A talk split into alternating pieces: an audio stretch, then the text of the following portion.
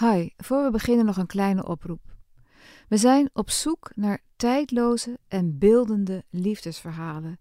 Dus misschien heb je wel een mooie herinnering aan een oude liefde die de rest van je leven bepaald heeft. Of iets totaal anders. Kom het ons vertellen.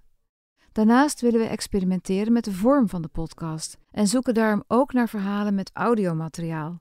Dus filmpjes of voice messages die dus betrekking hebben op wat jij wilt vertellen, zodat die later gebruikt kunnen worden in de montage. Dat wil zeggen, flarden daarvan op een abstracte manier. Voel je aangesproken? Mail dan naar de liefde van nu volkskrant.nl. Soms kunnen hokjes en categorieën om seksuele geaardheid te duiden handig zijn, want ze zorgen voor helderheid.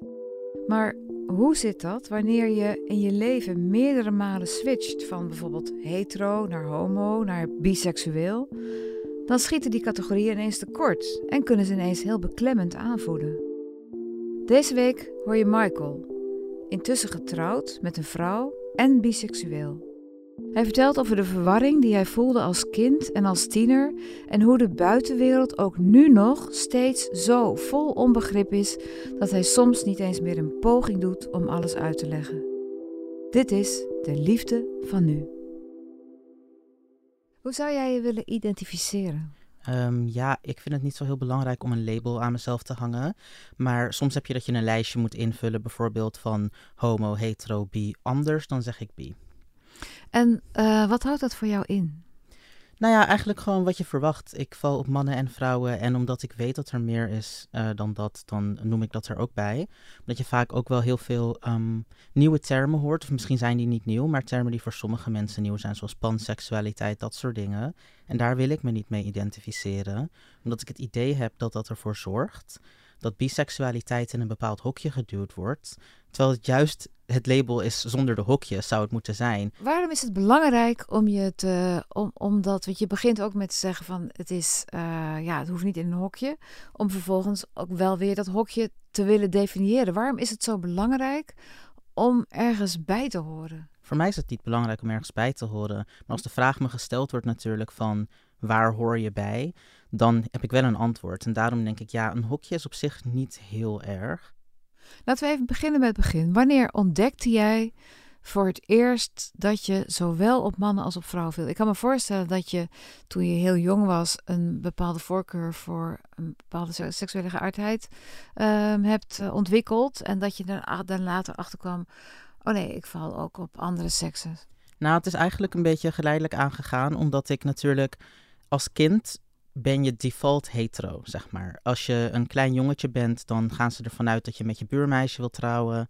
En ze zullen het nooit echt heel erg anders brengen. Maar ik merkte wel dat toen ik dus wat meer um, toch een soort van voorkeur ging hebben voor bijvoorbeeld. Ja, bij kinderen is dat heel onschuldig als je jong bent. Dat je toch een beetje gaat zien van.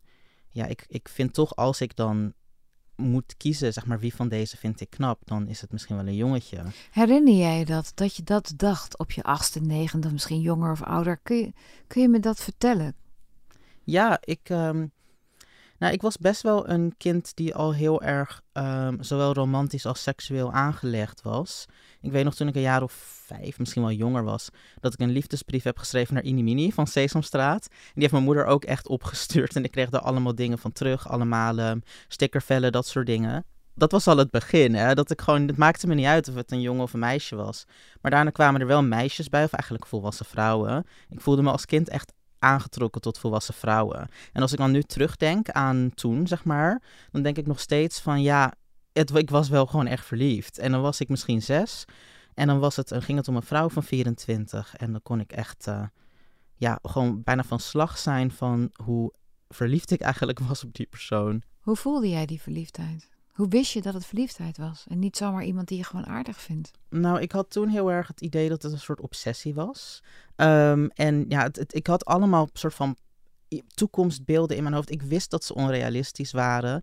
En ik kreeg uiteindelijk ook echt seksuele fantasieën over die vrouw. En niet, niet alleen maar in de zin van ik raak opgewonden van haar, maar ook echt van een hele situatie schetsen bijna. Van dan ga ik daarheen, dan is, is zij daar alleen. En gewoon echt zo'n soort heel um, Nou ja, ik weet eigenlijk niet zo goed hoe ik het moet zeggen, maar als ik dan nu denk aan ehm, waarvan nu ik zeg maar meer over seksualiteit überhaupt weet, denk ik dat was helemaal niet anders dan hoe het bij een volwassene zou zijn. Voor mij in ieder geval. En daardoor heb ik ook wel zoiets van, ja, mensen onderschatten vaak heel erg wat verliefdheid is voor kinderen. Je hebt bijvoorbeeld wel eens ouders die dan hun twaalfjarige niet geloven als die verkering hebben. En denk van, nou, wacht maar tot later, dan zul je pas begrijpen. Denk ik, ja, ik denk dat je kind toch wel weet waar hij het over heeft. Kalverliefde wordt altijd een beetje meewarig over gedaan. Ja, en er wordt vaak gezegd van, nou, wacht maar, je zal, je zal nog wel zien.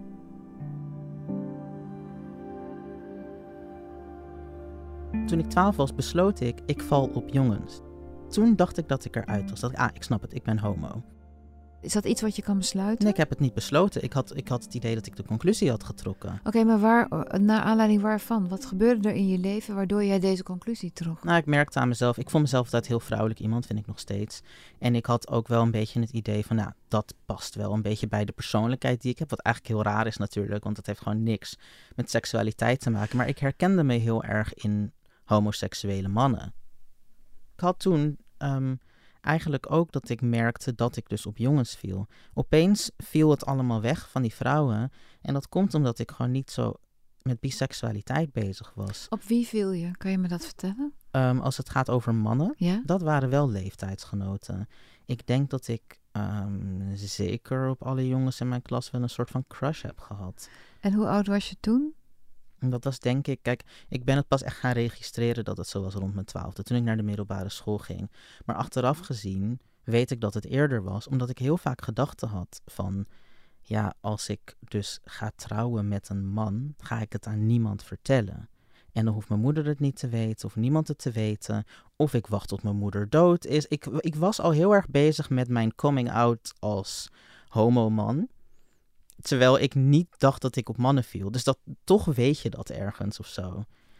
Het was een soort vaag bewustzijn, kan je het zo zeggen? Ja, een vaag dat bewustzijn wat het was. dat je op mannen viel zonder dat je het eigenlijk definieerde en Ja. zonder dat je het eigenlijk, eh, nou, praktiseerde al helemaal niet, maar gewoon eigenlijk, ja, een bewustzijn.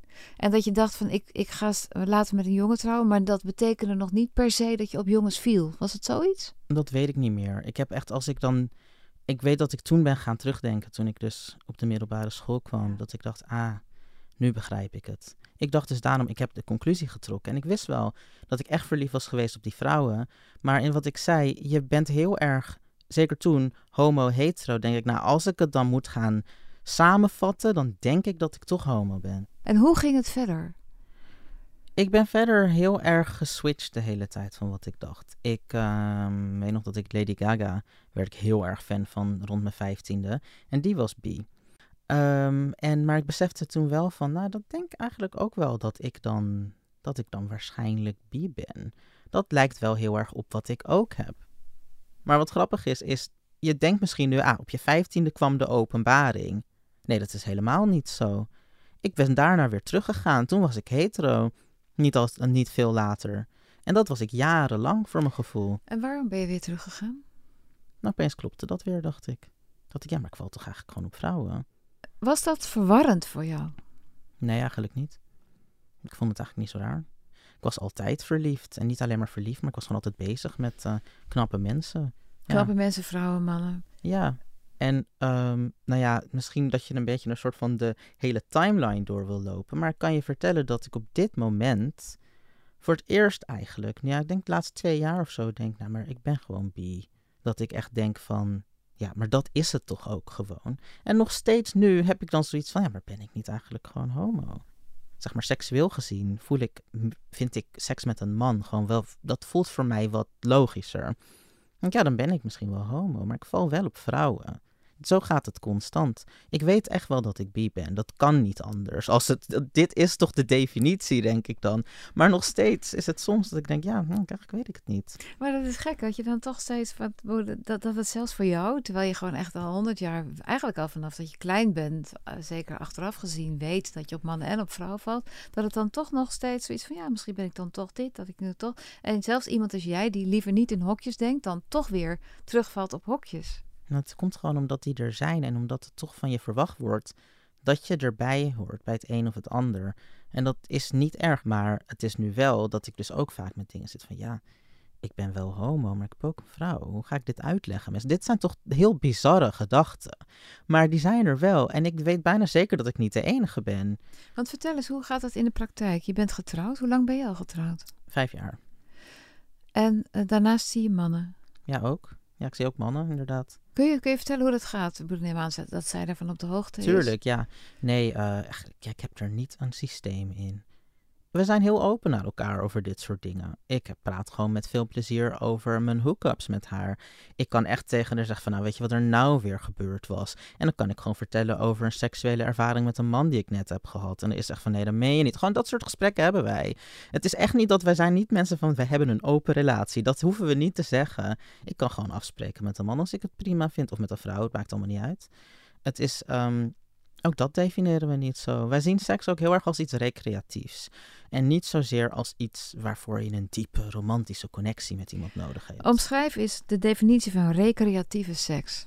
Nou, gewoon seks omdat het leuk is. Dat is recreatieve seks. Er komt niks anders bij kijken dan dat het leuk is, entertaining, ontspannend. Het is gewoon leuk. En het hoeft eigenlijk niet meer dan dat te zijn als dat is wat je goed vindt, toch? Dat denk, dat denk ik in ieder geval.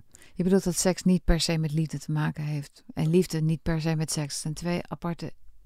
Het kan heel goed samengaan, maar het hoeft niet.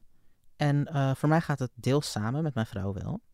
En, uh, maar dat, weet je, ik denk dat seks veel meer met lust te maken heeft. En dat dat komt kijken bij als je heel erg verliefd bent op iemand of heel erg vergroeid bent geraakt met iemand. Dan is het wel heel romantisch en persoonlijk. En daar komt dan lust uit voort, omdat je zo op die manier naar elkaar kijkt. Maar dat is alleen inderdaad in dat geval. Ik denk dat we onszelf eigenlijk um, nou, tekort doen door het alleen maar daaraan op te hangen. Terwijl ik denk, weet bijna zeker dat iedereen wel nou ja, gedachten, fantasieën, ideeën heeft die binnen hun relatie huwelijk niet passen. Dan denk ik, ja, dan hoef je van mij, of nou, ik, ik heb daar niks mee te maken hè, met hun relatie. Maar ik zou dat niet beperken als dat iets is wat jullie met, met jullie met elkaar ehm, goed kunnen overleggen. Ja, en dat, waren jullie het ook meteen over eens toen jullie gingen trouwen? We hebben het er nooit over gehad eigenlijk. Het was gewoon goed.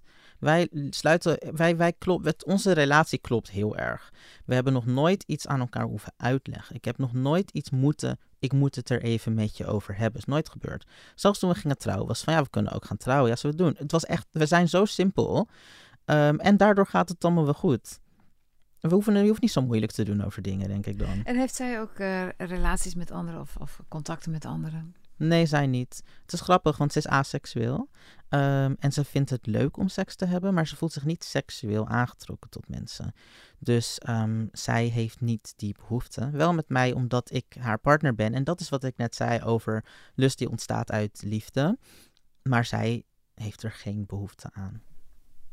Ik hoor ook wel eens mensen zeggen dat biseksuelen vaak het verwijt krijgen dat ze eigenlijk niet meetellen. Dat ze nog bij de een horen, nog bij de ander. Dat ze moeten kiezen. Ik heb als biseksuele horen vertellen dat, dat ze het idee hadden dat anderen vonden dat ze moeten kiezen. Je bent geen homo. Je bent... Heb jij dat gevoel wel eens gehad? Heel erg. Ik heb dat nu. Ik heb dat vroeger niet zo heel erg gehad. Maar ik heb nu een uh, nieuwe werkplek.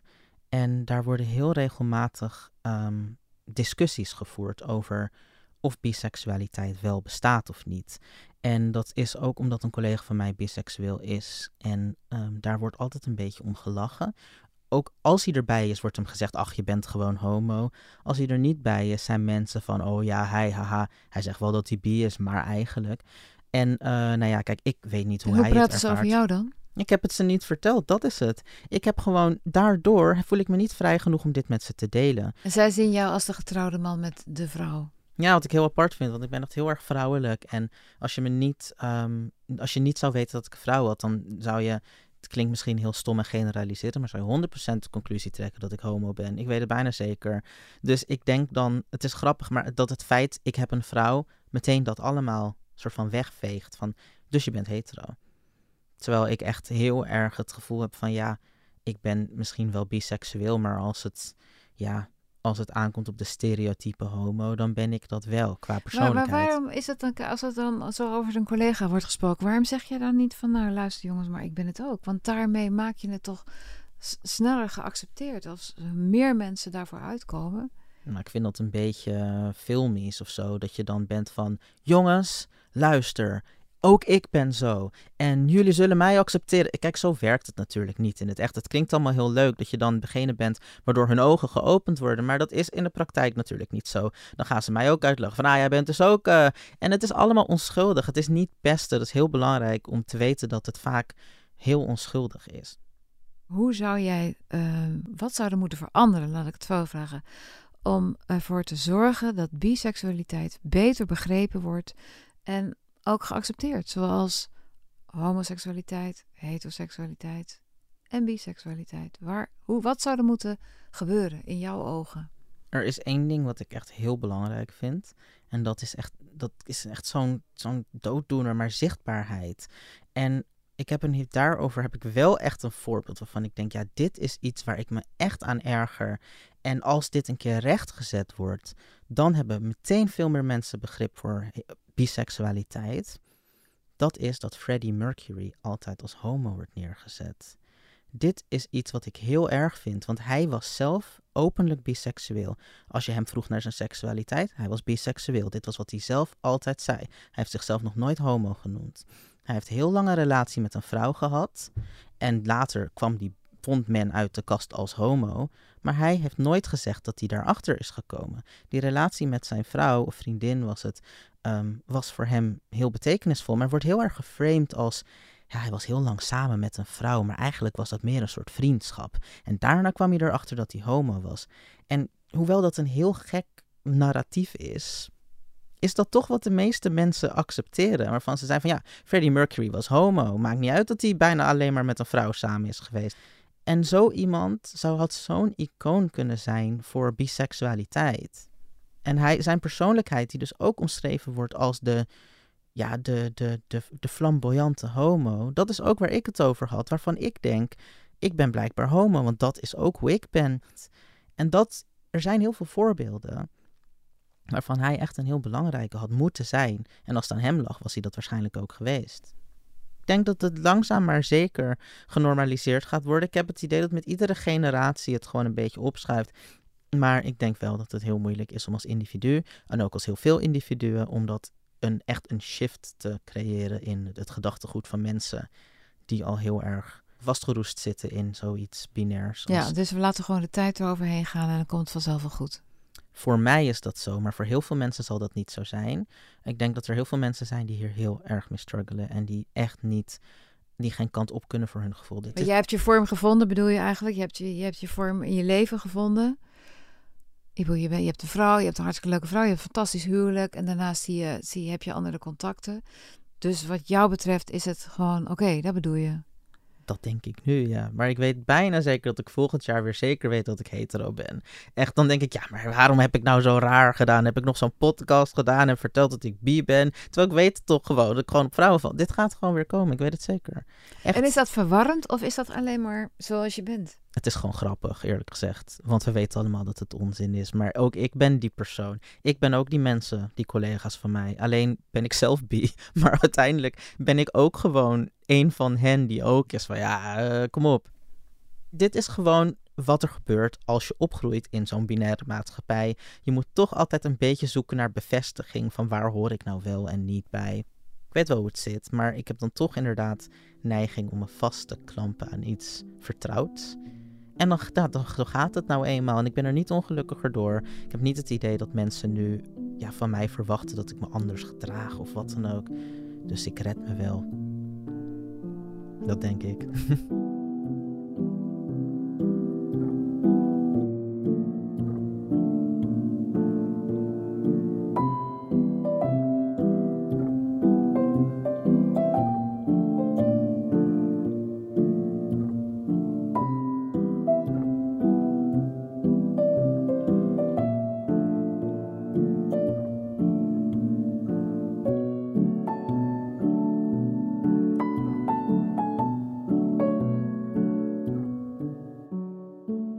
was De Liefde van Nu. Wil je reageren? Mail dan naar deliefdevanu@volkskrant.nl. Ik maak deze podcast samen met Mona de Brouwer, tevens editor. Research wordt gedaan door Sien Bonen en Mona de Brouwer. Eindredactie is van Corinne van Duin en Emilie van Kinschot. En de begin- en eindtune is van Juliaan de Groot. Dankjewel voor het luisteren.